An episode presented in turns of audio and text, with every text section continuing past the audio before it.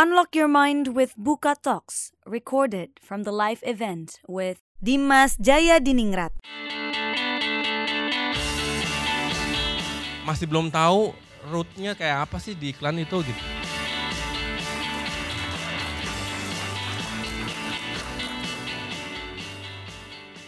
Let's join the talks. Oke, gue cuma mau ngebahas masalah konten aja. Jadi kalau nanti kalau masalah film itu ntar ada yang jago tuh si Om Rudi ya. Bos saya Om oh, jauh bedanya, nggak enak.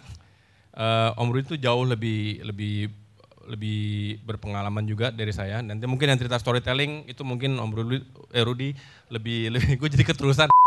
Uh, lebih pantas lah dia. Kalau saya sih karena sekarang ini kebanyakan saya bikin iklan kan ya gitu. Jadi saya udah berhenti bikin klip tuh udah lama banget dan, dan apa bikin iklan tuh mulai aktif tuh 2006.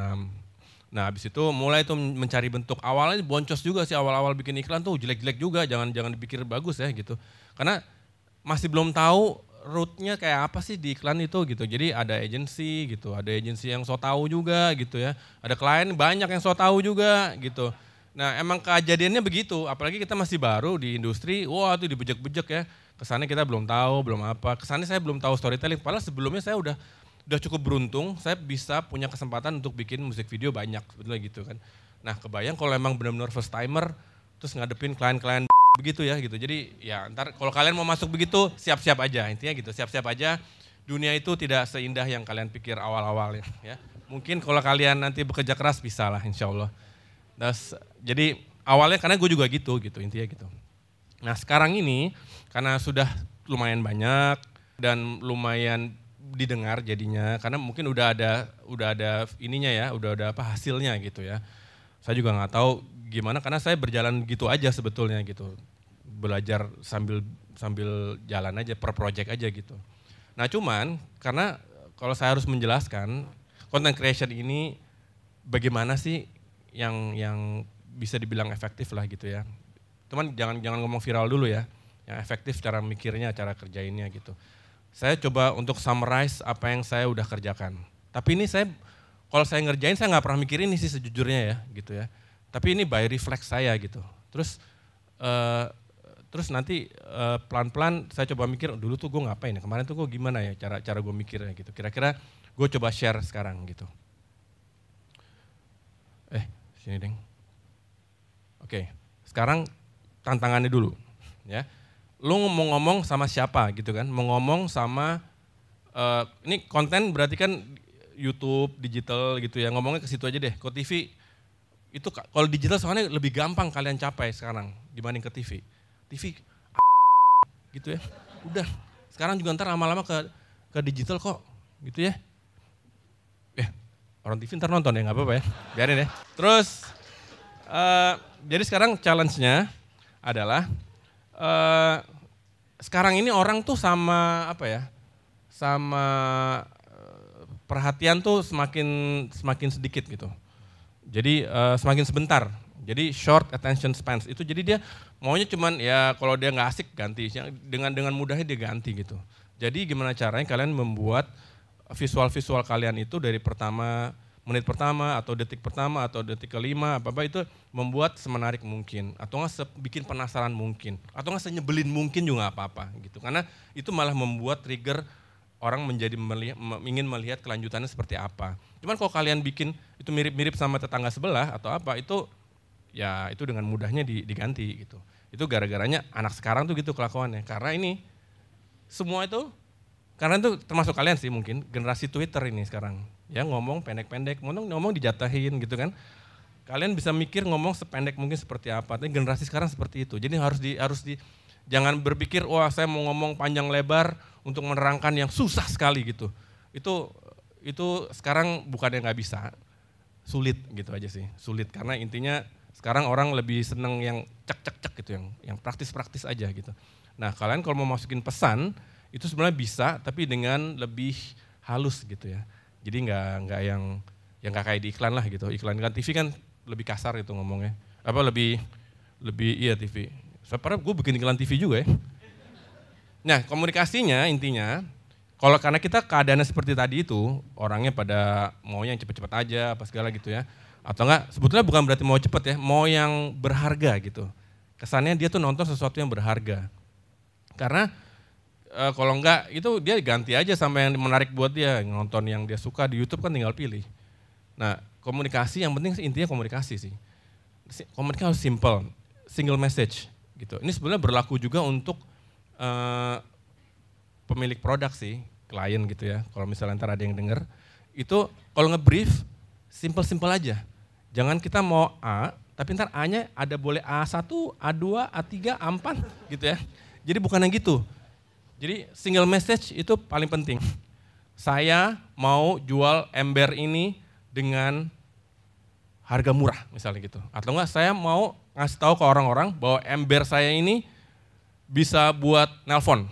Dah, selesai gitu. Tapi udah gitu doang. Gitu. Jadi jangan bisa buat nelpon, habis nelpon, tapi ember ini harganya murah juga ya. Tapi itu belakangan aja gitu. Kayak gitu-gitu belakangan. Itu ntar kan ada ada lanjutannya sebetulnya. Jadi sebetulnya akan lebih bagus kalau single single message, simple aja, sharp, berani, terus bold juga hitungannya berani, brave, berani juga. Ngerti maksud gue sekarang? Maksud gue sekarang ngerti kan? Maksud gue adalah dari sharp, bold, brave, intinya berani aja gitu ya. Kata-katanya doang beda ini gitu. Tapi intinya adalah simple berani selesai. Urusannya kayak kalau lo orang lo tuh aja gitu. Lo itu pasti lo akan didengar. Lo lihat teman-teman lo yang emang joker joker orangnya pasti ya kan? Nah itu yang kayak gitu mestinya yang sekarang bisa viral tuh yang kayak gitu. Karena gue beberapa kali bikin iklan viral itu semua nggak ada yang beres iklannya. Kalau misalnya iklan yang sopan-sopan tuh nggak yang nggak itu, yang hitnya cuma 200, begitu-gitu doang gitu. Yang bangsa juta-juta tuh yang hancur-hancur justru. Gue juga bingung kenapa begitu.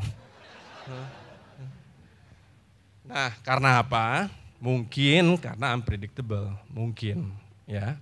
Karena kalau lo emang lo kan di pikiran lo nggak ketahuan ya. Lo kan nggak bisa ngebaca pikiran orang lo yang agak setengah kurang goceng ini otaknya gitu ya ya kan kurang sesendok gitu lo kan nggak bisa baca kan gitu jadi kalau emang lo tidak begitu misalnya lo tidak begitu ya jalan keluarnya mungkin bisa mencoba untuk begitu. Kalau emang tidak lucu atau apa ya suruh teman lo yang kerjain. Jadi gitu kan? Nah jadi kadang-kadang ini semua gue mau ngeliat ke satu hal. Jadi ada kadang-kadang ada orang yang mungkin di atas gue atau dia klien gue atau dia agensi gue atau apa uh, mencoba untuk melucu sementara itu tidak lucu. Sementara dia merasa itu lucu sekali gitu. Gitu ya. Sementara lucu itu subjektif. Karena lucu dia standar banget lucu loh gitu ya. Jadi buat saya jadi nggak lucu gitu. Nah itu itu itu sering banget sering banget struggle kita di sini gitu. Karena lucu itu subjektif banget ya. Begitu kita melakukan hal yang lucu apa kita membuat visual yang lucu apa uh, buat yang klien gak lucu gitu. Karena dia mungkin referensinya beda gitu ya. Nah tapi itu kan sulit ya kalau kayak gitu ya. Nah paling benar takarannya apa? Takarannya adalah targetnya. Ini bagi masalah komunikasi soalnya. Target kalian tuh ke mana? Kalau kalian ngomongnya ke ibu-ibu, ya lo cari lucu ibu-ibu lah gitu. Kalau lo targetnya alay, lo cari lucunya alay, lo menyesek-nyesek deh lo, tapi ya itu lo harus kerjain. Jadi jadi begitu begitu kalian tahu komunikasi seperti apa dan kalian membuat menjadi unpredictable, tidak bisa diduga kalian tuh mau ke mana, mau cerita apa gitu, jalan-jalan ceritanya, kalian tuh bisa menuntun, memimpin target lu. Lu, lu di, target tuh di lead sama lu gitu. Jadi uh, lu ngikutin logikanya cerita tuh, ya gue, sorry, gue bikin Indo es krim contohnya ya, bikin Indo es krim nih, hancur ya gitu ya.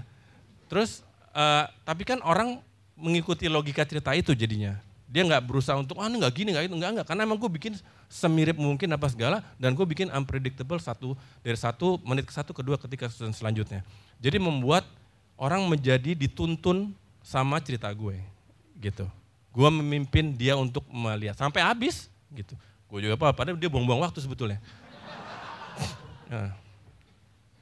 Eh, semoga dia nggak nonton. uh, komunik komunikasi satu lagi adalah emotion. Emotion itu masalah entertainment, sebetulnya gitu. Itu penting karena entertainment itu masalah lo bisa membuat nangis penonton, membuat ketawa penonton, membuat macam-macam. Itu itu masalah emosi gitu. Emosi itu nggak cuman marah. gue tuh suka marah-marah, terus sebelah sana juga suka marah-marah. Terus uh, nggak ada hubungannya. uh, tapi intinya jadi karena kita fun to watch gitu ya, kita senang melihat. Uh, senang melihat tuh bukan masalah eye candy ya. Sekarang tuh ke ke kejadiannya seringnya gitu. Jadi uh, visual mulu yang dipikirin. Karena kalian kebanyakan, eh bukan, sorry bukan kalian. Orang-orang itu kebanyakan reference di YouTube kali ya, gambar-gambar bagus. Terus mereka bisa mengcopy itu memang bisa pada akhirnya. Tapi kontennya yang kurang jadinya. Karena visualnya aja yang bagus. Tapi sekarang yang penting adalah kontennya. Begitu kontennya bagus, visualnya jelek, nggak urusan. gitu. Visual gue kurang jelek apa yang Indo Es Krim. Emang sengaja gue pakai kamera lama gitu loh. Jadi emang emang sengaja itu gitu. Tapi kan kontennya yang membuat orang menjadi nonton gitu. Karena jadi ya itu fun to watch. Gue juga pernah bikin yang storytelling yang nggak lucu juga, tapi karena storytelling terus pemainnya benar semua gitu ya. Itu gue nggak usah kasih contoh, gue lupa ngasih ininya videonya. Tapi intinya eh, karena storytelling dan masalah keluarga apa segala dari ada surprise dari dari menit kesekian kesekian gitu ya. Ada beberapa surprise surprise yang membuat orang jadi stay gitu. Jadi intinya gitu deh. Nggak cuma, jadi intinya nggak cuma yang twist di belakang sekali, di depan boring gitu aja, nanti di belakangnya ada twist. Itu agak kurang berlaku sih kalau di digital ya, jadi harus ada continuous sedikit, dipirit-pirit lah ininya apa surprise-nya. Terus original tuh penting ya. Ini tadi mungkin udah dibahas juga sama Om Kemot. Apa original tuh tadi saya bilang, jadi kalau kebanyakan nonton YouTube ya atau kebanyakan googling-googling itu jadinya ini. Jadi nggak ori lagi gitu kayak handphone aja. Ya kan? Jadinya ngikutin ini, ngikutin no, ini kebiasaan tuh. Gitu, ini itu nggak cuman yang anak muda ya, yang tua juga gitu ya sekarang kayak ya, ya capek juga. Jadi dan satunya lagi yang memberikan pekerjaan kita juga ngasih reference melulu kerjanya gitu. Jadi dan mereka minta juga mau reference ini, mau reference anu gitu. Kadang-kadang saya juga bilang berani aja. Kalau emang masih ori ya, saya sering banget gini, aduh saya nggak punya reference, emang baru pertama kali kerjaan mau reference dari mana? Mau mau bikin apa gitu? Mau nggak mau kalau bikin adalah kita bikin uh, apa ya uh, dummy gitu. Kalau mau dummy, jadi emang misalnya kita bikin transisi atau apa yang baru gitu misalnya, transisi kayak apa? Reference seperti apa? Ya memang kalau mau dikerjain gimana caranya gitu? Lo kerjainnya diri dikit-dikit yang gampang-gampang dulu yang di mungkin yang home video dulu atau apa gitu. Misalnya masalah presentasi ya gitu. Jadi itu yang terjadi sering begitu. Kebanyakan reference capek kak ini crafting sebetulnya yang tadi saya bilang, crafting itu masalah detail aja. Begitu kalian tahu film, tahu apa, itu semua sekarang udah bisa dipelajari di YouTube. Jadi maksudnya tapi itu bukan berarti yang utama, ya bukan berarti yang utama. Tadi si Kemot bilang yang penting adalah orangnya, bukan teknologinya. Tapi teknologi itu tidak bisa dianggap remeh. Kalian tetap harus update, yang tua-tua apalagi, ya seperti saya, Kemot, dan Om Rudi. Kita update, gabung sama kalian kan? Gitu. Itu mau masuk YouTube kan? Gue tahu YouTube. Cemen banget. Terus intinya gini, pokoknya crafting itu adalah jangan mendewakan crafting lah gitu. Jangan mendewakan teknis ini, teknis dia belum apa-apa. Wah teknis susah mas. Teknis, waduh itu capek banget. Gue sering banget ketemu orang yang bolak-balik ngomongin kamera, ngomongin apa. Yaudah lu bikin aja dulu nggak gitu. Lo kamera pakai handphone juga bisa sekarang nggak gitu kan. Jadi intinya dibikin gampang aja. Kalau mau ngapa-ngapain itu dibikin gampang. Tapi yang penting dikerjain, yang kebanyakan mikir. Ya, overthinking itu gue nggak tulis di sini. Tapi overthinking itu adalah mematikan ide kalian, gitu. Jadi overthinking itu mau ngerjain apa nggak jadi, ini nggak jadi, ini nggak jadi, gitu. Mau mandi aja susah kali overthinking ya nggak sih? Bang lo karena nggak bisa. Banyak yang cukup berhasil lah gitu, lumayan lah gitu ya. Jadi maksudnya itu bukan bukan kerja saya sendiri sih, kerja banyak orang. Tapi intinya keberanian yang pada akhirnya bisa begitu. Keberaniannya nggak cuma dari saya, ada dari saya, dari agensi sama dari kliennya juga berani untuk mengeluarkan seperti itu. Jadi intinya sinergi itu menjadi penting sih gitu. Dan pengertian untuk ngasih tahu klien bahwa ini it will works gitu. Itu juga skill presentation juga harus penting sih untuk masalah itu sih. Jadi itu aja dari saya. Kalau mau kerja nggak usah kebanyakan mikir gitu aja. Buka aja buka lapak